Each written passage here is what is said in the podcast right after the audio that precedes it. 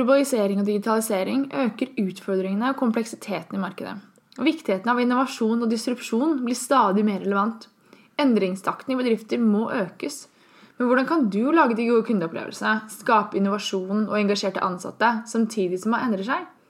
Hele 75% av nordmenn føler jo lite eller inget engasjement i jobben sin. I en undersøkelse fra Deloitte i 2017 så sier hele 94% at smidighet og samarbeid er kritiske faktorer for at deres organisasjon skal få suksess. Men kun 6% mener selv at de er smidige. Hva innebærer det egentlig å være en smidig organisasjon? Kan alle organisasjoner bli smidige? Dette og mer ønsker vi å diskutere gjennom Smidigpodden. Vi håper på å finne noen av svarene. Jeg heter Ida. Og jeg heter Tobias. Velkommen til Smidigpodden. Velkommen til episode 10 av Smidigpodden. Fremdeles um, fortsettelse på DevOps. Det er fremdeles del, del to av, Del to? av Ja, det er jo veldig positivt, det her. Det Ja, det er kjempebra. Ja, så det er vi, um, vi har Marley som gjest. Eh, Det ble en veldig fin, lang prat, så vi valgte å dele den opp. Så her kommer egentlig fortsettelsen. Og jeg tenker ikke vi skal eller, bruke opp deres tid på å høre vår chit-chat, utan vi hopper rett inn i samtalen med Marley. Yes. So here we go. Um, for vi, vi, på den aspektet på, på risiko så jeg tenker at det er jo um, Jeg tror vi har snakket litt om podden før, da, at det er jo um, sannsynlighet eh, multiplisert med konsekvens. Og som du sier, tradisjonelt så er man jo veldig på liksom, hva kan vi gjøre for å minimere den sannsynligheten. Det er lange planleggingsfaser og lange testsykler, og liksom, du gjør alt for å liksom, minimere sannsynligheten. Men med smidig og DevOps så er det kanskje for å minimere konsekvensen. Kan vi rulle tilbake kjapt? Er det en liten endring? Kan vi kanskje til og med deploye sånn at det bare treffer bare de ansatte eller en liten del av kundene våre? Eller kan vi gjøre noe for at faktisk um, Sannsynligheten kan for så vidt være høy, men, men konsekvensen er veldig lav. Ja, altså Har man eh, disse her, gode rutinene rundt, tenker sånn som god versjonshåndtering, god bra nå går jeg veldig teknisk, men god branching-strategi eh, og sånt på plass, eh, og, og i tillegg også ulike mekanismer som du nevnte, altså eh, det å kanskje legge til rette for blue-green type deploy eller future toggles. Ok, nå må vi stoppe. Eh. Hva er en branching-strategi? Tror jeg mange lurer på. Tobias har forklart det her til meg, så jeg vet litt hva det er. Og så snakket vi om future, feature toggling. Yeah. Det vet jeg også hva er, men det er sikkert mange andre som ikke vet hva det er. Og så nevnte noe annet som jeg ikke aner hva er, som jeg ikke engang husker hva du sa. Beklager. Akkurat der merka jeg at jeg ble så engasjert. At Så jeg bare ord. Spol tilbake. Altså. Det er bra, det er bra du hopper inn i det, for det, vi, kan liksom bare Jeg er den minst tekniske her, så jeg har liksom Jeg får lov til å stille spørsmålene. ok. Du sa branching-strategi. Mm. Eh, det er altså når ulike utviklere, da, eller ulike um, Team. team skal jobbe sammen um, med en kodebase. Fins det, en bedre, altså, det en litt enklere måte å forklare hva branching-strategi er? Jeg tror Er det det du for, når du forklarte meg med bruk av Google Docs? Ja, Eller var det Continuous Integration vi snakket om da? det var egentlig mer continuous integration. Ja.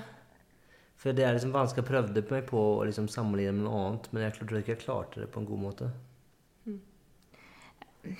Altså, man kan jo Jo, vi kan jo ta Word-dokumenter, da. Ja. Eh, eksempel hvis øh, Eller det, blir heller ikke helt riktig, men at jeg tenker hvis alle jobber med ulike versjoner av Word-dokumenten, og til slutt skal merge dette sammen, Mm. eh, så vil det jo skape Mye jobb. mye jobb. Mm. Og så jeg husker jeg, når jeg starta som konsulent, så var jo eh, mye av eh, det man gjorde på den tiden, var at man sendte på mail. Eh, ofte ut noen Excel man skulle fylle ut noen kompetansenivåer eller noe et eller annet.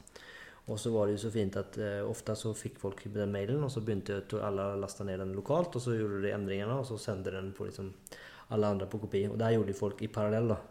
Så da plutselig så begynner det her å bransje seg i, i eh, Og mail kan jo være egentlig det samme. Du sender til en gruppe mennesker, og så begynner folk å svare samtidig. Og så begynner det liksom å- og du Ja. du, Det er jo også en branching, da. Ja. Og da gjør det jo at du får jo en, en, eh, veldig vanskelig å vite hva som er siste versjon, og hva som, som, um, Mm. som er gjeldende. Og det har kanskje ikke, finnes kanskje ikke en versjon som er komplett heller, utan allting er bare spredd utover Mm. overalt. Mm. Det synes jeg var en fin forklaring. Så bra. Jeg var ute og stikke selv. Ja, jeg syns også det var en fin, uh, fin forklaring. Ok, da vet vi hva branching er. Ja, men nå er jo nei. en strategi på det er jo Ja, hvordan ja, ja. Så det er Ikke ferdig, nei. Nei. Så, så, så det Tobias beskrev, er problemet. Det er ikke løsningen. Det, jeg skjønte ikke det var løsningen, da, men det var liksom ja. Løs, altså, det branching-strategi forsøker å løse, det er jo å unngå sånne typer problemer. Eh, så det å sørge for at når et team jobber sammen, at de har en strategi som gjør at man ikke får avvik i det man har, og at det ikke blir så vanskelig å skulle merge sammen versjonen som Tobias holder på med, du holder på med, og jeg holder på med, i ett, da, Mm. og få det ut. Jeg hørte om blir det, ok, Jeg vet ikke om det her blir riktig, da, men jeg hørte om et, et utviklerteam som liksom synker koden sin hver dag før de går hjem fra jobb. Mm. Sånn at når de kommer på jobb, så har de liksom helt oppdatert. Er det en type branching-strategi? Ja, det vel, går vel mer inn, inn under continuous integration, Ja. tenker jeg. Mm, mm. Ja, Um, men um, branching-strategi og på en måte det å Mm. ha det systemet for å kunne drive med CI, Mm. um, det er jo en del av continuous Mm. integration. Uh, Mm. Der er fikk vi en forkortelse til, da. Ja, CI er continuous integration. det. Stemmer. Det er det. Jeg skal forsøke å ikke bruke så mange forkortelser. Men så hadde vi to andre spennende ord også. Skal du forklare hva continuous også. integration er, da? Jeg har akkurat forklart det. Ja. Med, med, jeg ga et eksempel på det nå, med disse utviklerne som synker det hver kveld. Ja. Ja, ja. Eller så ofte som mulig, kanskje. Ja. Ja. Det helst continuous, da. Mm. Altså Ja. kontinuerlig. Og det er jo for å verifisere at uh, det du holder på med, um, det, den koden du skriver, eh, den ikke bryter noe av det som finnes der fra før av. Ja. Eh, og at det har den kvaliteten Og der trenger. kommer kanskje mitt altså Jeg tenker som Google Docs versus Word-dokument på mail, så er Google Docs continuous integration. Mm. For når jeg skriver en, en um, trykker på en tast, så går jo den opp i skyen, og så går den ned på, på, på, din, på din Mac òg. Så vi har jo hele tiden kontinuerlig eh, integrert det vi lager inn i et masterdokument, så vi ikke får det mot at det distribuerer seg. Men går ikke continuous integration på også å liksom teste at det du faktisk gjør, fungerer med alt det andre du har i et Det er miljø? Mm. Ja. Ja. Mm. Så ikke bare at man er i synk, men også at det faktisk funker Ja. i praksis. Det er helt riktig. Det her ble veldig teknisk, så nå må vi gå videre til, til neste uh, best word, som var feature toggling. Ja, feature toggling um, Det går jo ut på at um, du kan jo få ting ut til produksjonsmiljøet, men velge å ikke vise den for brukeren. Som ved å ha feature toggles på, da, så kan du eh, skru av og på ny funksjonalitet. Eh, for enten om det er for alle, eller kanskje for en litt eh, gitt eh, brukergruppe. Teste hvordan det funker. Og hvis det ikke funker, kan de bare til å skreppe den featuren, f.eks. Er det en feature toggling, er det på en måte en konsekvens av continuous integration? Hvis du hele tiden skal teste noe, så vil du ha feature toggling for å sikre at brukeren ikke ser det. Mm, Nei, det vil jeg kanskje ikke si. Jeg vil kanskje si at feature toggling er en mekanisme for å faktisk kunne få eh, produksjon satt da, på en trygg måte, og Ja. faktisk ha noen sånne eh, mekanismer som mm, sørger for at risikoen, eller konsekvensen, av å få noe ut i prod eh, går ned. ned. Men, men det du tenker på der er jo for så vidt Du kan jo tenke deg at du bruker det for å faktisk ha uferdige ting i produksjon. Ja. Så du kan med feature toggling faktisk skjule det. Og det kan du jo si at du er i continuous integration. Du har det du og jeg skal skrevet sammen, det, det fungerer sånn sett. Det integrerer. Men vi er ikke helt ferdige. Nei. Og vi har det ute, men vi har det fortsatt ute i produksjon eller ute i et miljø uten at de ser det. Så, så det, det er jo Så det var mulig. ikke helt feil. Nei. Og så var det jo den tredje, som var blue-green deployment. Stemmer. Altså Blue-green deployment det betyr egentlig bare at ok, du har to ulike miljøer. Um, den ene inneholder kanskje ny funksjonalitet. Den andre er som den alltid har vært. Og så ønsker du på en måte bare få ut den, teste at den fungerer. Så du har én versjon av, av applikasjonen som er grønn, da, eller live, mens den andre inneholder ikke de nye funksjonalitetene, og den ligger litt i dvale. Så det går bare på at du skifter mellom uh, ulike versjoner. Ja. Men det er litt for å kunne sikre seg hvis noe skulle gå gærent, så kan du liksom kjapt bare switche over til den andre som du vet er trygg og, og sikker og fin. Ja, ikke sant? Så det er jo en måte å redusere risikoen da, på, ehm, ja, på eh, og ved produksjonssetting. Et begrep som vi snakker om på, på jobben, som jeg tror er kanskje litt samme sak, er det med canary deploy.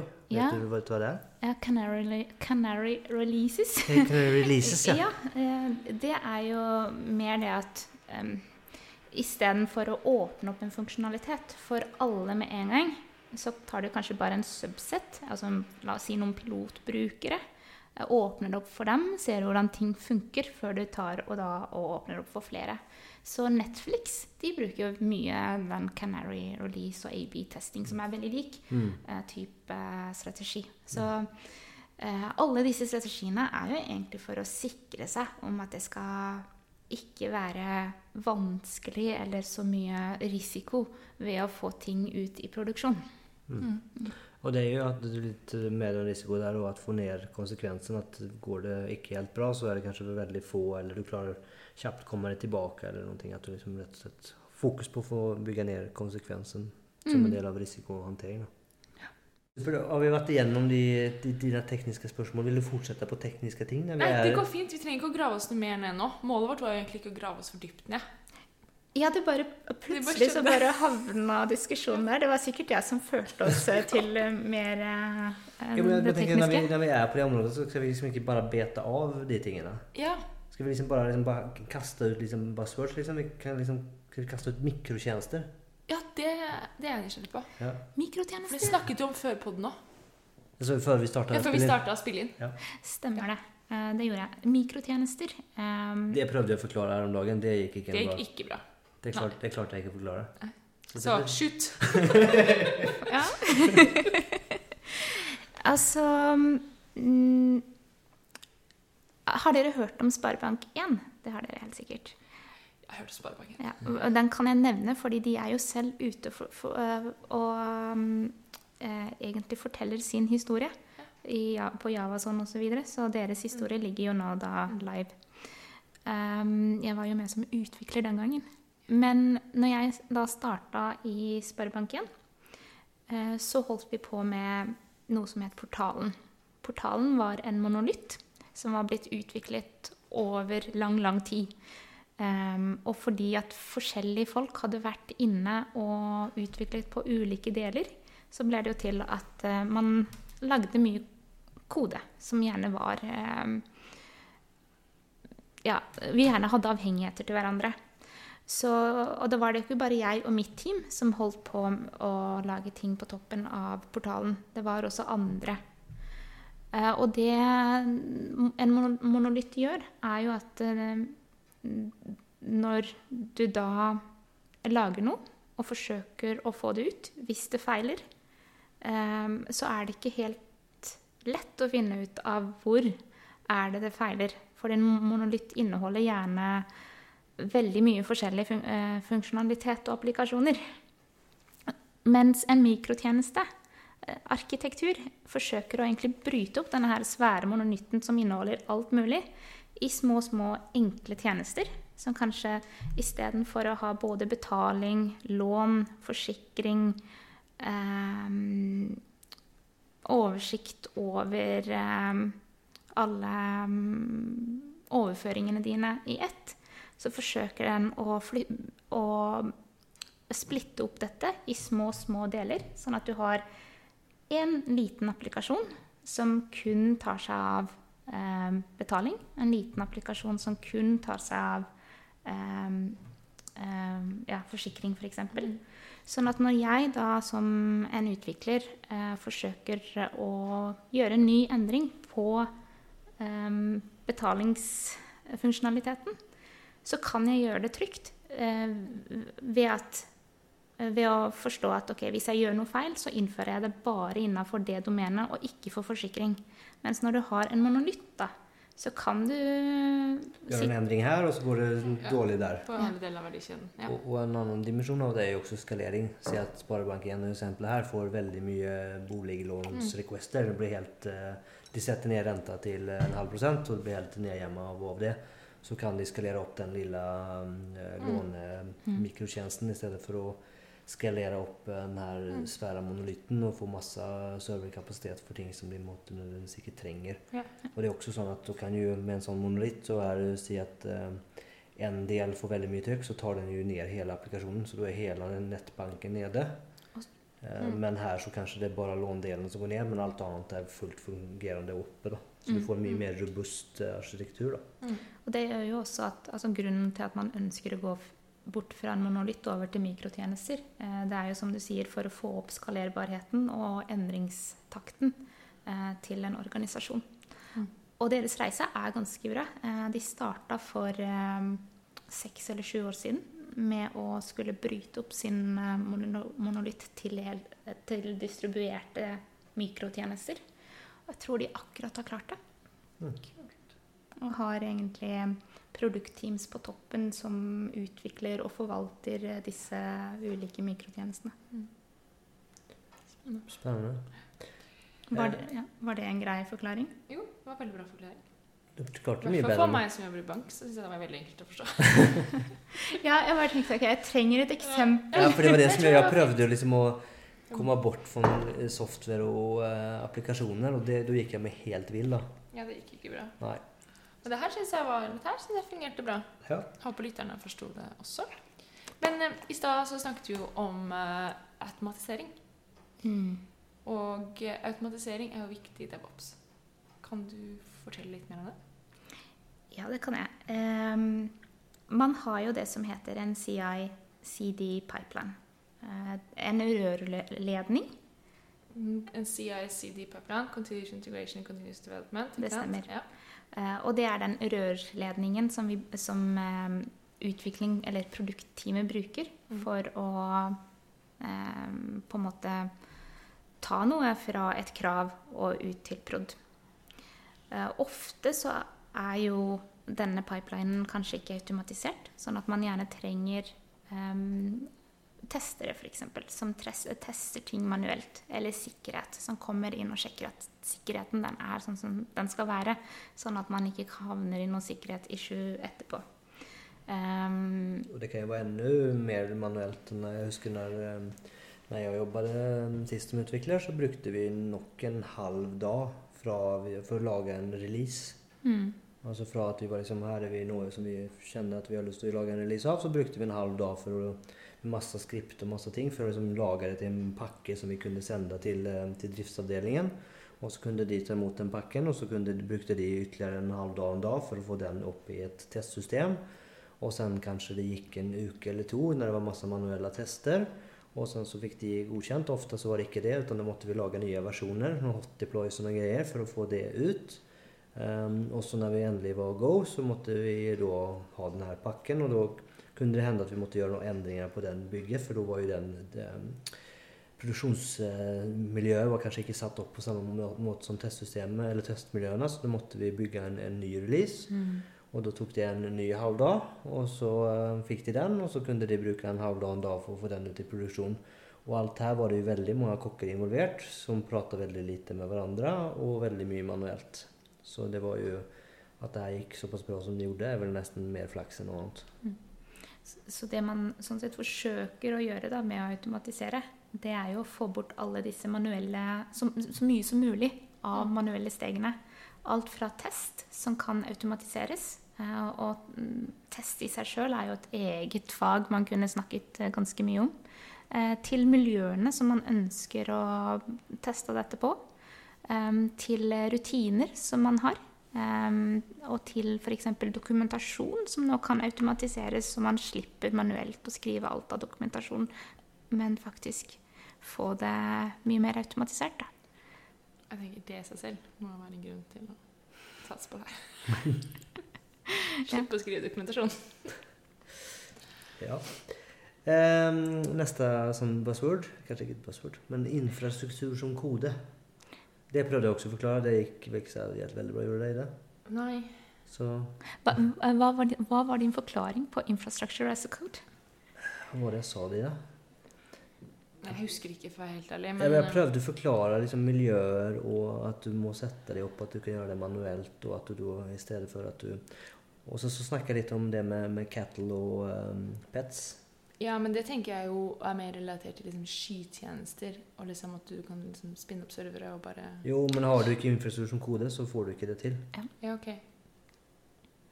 Mm. Så, men jeg tror Mali skal få lov å forklare. Jeg tror også det. Jeg tror jeg er en god idé. Ja, jeg vet ikke om jeg ville egentlig forklart det på noen annen måte. Altså, fordi altså, infrastrukturen er jo også noe som må settes opp. Alt fra nettverk til brannmur til servere. Eh, og vanligvis så er det jo en eller annen infrastrukturavdeling som tar seg av det her. Infrastructure as a code eh, forsøker jo da å få um, gjort det på en litt enklere måte. Med em, Jeg vet ikke helt hvordan jeg skal forklare hva infrastruktur as a code er. altså. Men, men det, er jo, det er jo infrastruktur som du har programmert. Ja. Det er jo det du har gjort. Og det gjør jo at den er jo replikerbar. Og du kan også, den er også versjon, under versjonshåndtering. Eh, for det er ofte sånn når du har gjort noe manuelt, så eh, kan du være ganske sikker på at eh, dagen etter så husker du halvparten, og eh, noen år senere så husker ingen noen ting. Så at du skal klare å replikere, det er jo i stort sett umulig. Og da får du sånne her eh, fine ting at det, det fungerer der, men ikke der, og du klarer ikke å skjønne hvorfor. Kan jeg, kan jeg prøve meg på et eksempel? Ja. Ehm, der jeg jobber nå, da, så har man jo deler i liksom fysiske servere, ikke sant? som Mm. veldig mange har. Og det tenker jeg liksom, det er infrastruktur. liksom, Mm. Fysiske. Men når du har infrastruktur som kode, så er det mer at du liksom bruker skyløsninger. Du har det ikke det fysiske lenger. Det er jo det er ikke sånn at ikke serveren finnes. Bare. Jeg vet jo at den fins, men du kanskje, du eier den kanskje ikke, da. Du har den ikke i huset ditt, liksom. Nei, men du kan jo ha en, måte, en, en premises eh, som du har med virtuelle maskiner uansett som den er Ok, Det var et dårlig eksempel. Jeg tror det sant, det.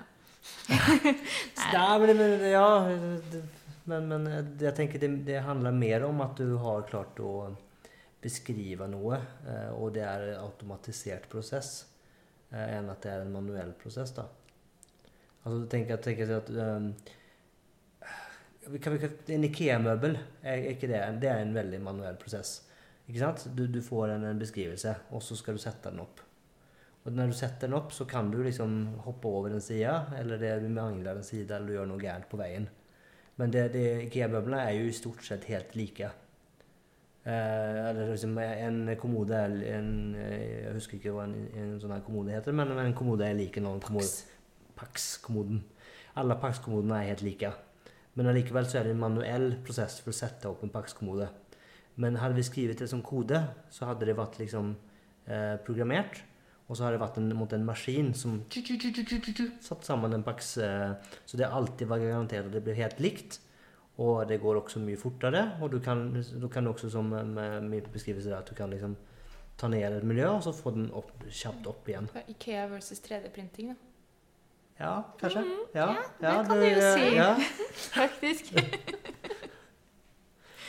3D-printing er kanskje 3D-printa møbler i stedet for å skru av manuelle IKEA-møbler. Ok, ja.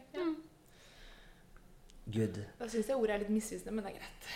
Hvorfor det? Fordi infrastruktur som kode Det du forklarer, er jo liksom en prosessen rundt og liksom hvordan du gjør det. og liksom hele greia. Men for meg så er liksom infrastruktur som kode For meg så blir det veldig sånn Visuelt tenker jeg da at det ikke er noe fysisk lenger. Nei, det er bare beskrevet som kode. Infrastrukturen er beskrevet som kode. Hvorfor kunne du ikke bare si det med en gang, da? Si det. Jeg lurer på om fordi at vi forsøker å gjøre det så enkelt som mulig, så begynner vi å tenke litt mer komplisert enn det faktisk eh, det. eh, trenger å Ja. være. Jeg tror det òg. Men Skal vi hoppe over til litt mer menneskelige ting? ja, si? en, ja, en menneskelig ting som jeg syns er ganske kult. Uh, og det er uh, pair programming. Mhm. Det har jeg drevet mye med. Kan du fortelle litt om det? For det syns jeg virker som veldig morsom og effektivt. Og um, som fungerer veldig bra da, for selskaper. Parprogrammering er jo det at um, to utviklere f.eks. setter seg sammen og forsøker å løse en, um, um, en um, oppgave sammen. Eh, og i den prosessen så blir det jo til at de gjerne diskuterer ok, hvordan bør dette løses. Eh, skriver, eh, kanskje den ene sitter og skriver mens den andre um, funderer, eller at de bytter på. Og fordelen med parprogrammering programmering er at da slipper du jo først og fremst å sitte og tenke på et problem alene. Men så er det også en effektiv måte å skulle dele kompetanse på. Så hvis jeg som ny kommer inn til et team, det å da ha eh, en ved siden av meg eh, som på en måte kan sette meg litt inn i ting og um, gå gjennom hvordan man tenker i dette prosjektet, hvordan er strukturen lagt opp her, samtidig som vi forsøker å løse, opp, løse en oppgave sammen. Det gjør jo at personen gjerne kommer mye um, fortere opp til speed enn om personen skulle sitte for seg sjøl i en uke og forsøke å lese gjennom masse dokumenter for å um, i det hele tatt begynne å bli produktiv. Da. Men hvis man eh, gjør pair programming, trenger man da code review? Code review og parprogrammering programmering er jo egentlig litt sånn to forskjellige ting. Um, code review går jo ut på at eh, jeg skriver en kode, og så sier jeg at ja, nå er jeg klar. Eh, og så sender jeg eh, den til Tobias, sånn at han kan ta en titt og se hvordan den ser ut. Eh, og det er både for å gi meg tilbakemelding, men det er også en veldig fin måte for Tobias å få mer kompetanse da, på um, hvordan eh, Ja, altså at jeg deler min kompetanse med Tobias på hvordan er det jeg har skrevet dette. Så uh, formålet Altså noe av formålet er jo det samme, men code blir da en ekstra sånn menneskelig kjekk, kan du si. Ja. Fordi det jeg, jeg husker ikke hvor jeg plukket opp det her, men eh, om det var på en konferanse eller det var på en annen podd, eller hva for noe, men jeg diskuterte akkurat det her da med pair programming code review, hvor da på en måte påstanden og resonnementet var at dersom du gjør pair programming, så er ikke code review så viktig. Fordi eh, litt av essensen i det de diskuterte var at eh, ofte så ønsker du å vite hva som ikke ble skrevet. Ikke bare hva som er skrevet, og intensjonen bak det som er skrevet. Og det får du kanskje ikke nødvendigvis i en type liksom, cold review QA-prosess, da. Men det er kanskje mm, lettere å oppnå da i pair programming. Um, Det er sant. Altså, det er jo ikke så mye Du ser jo ikke så veldig mye av tankeprosessen når du gjør en code review. Du ser jo på den koden, eh, og når du stusser på noe, så går du tilbake og spør personen. Eh, Så det kan Jeg har ikke hørt før, men det gir jo mening at eh, pair programming sånn sett har større verdi. Mm. Det eneste er Det er jo ikke alle oppgaver det gir verdi å skulle sitte og pair-programme på. Noen er så enkle at eh, hvis to stykker sitter og ser på det, så er det ikke sikkert eh, man kommer raskere til mål, da, tenker jeg.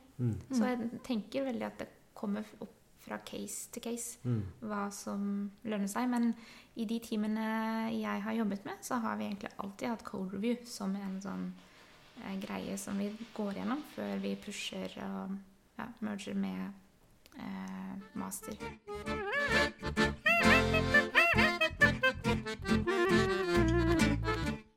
Så det var eh, del to av DevOps med Mali. Jeg håper at dere syns at det var like spennende som oss.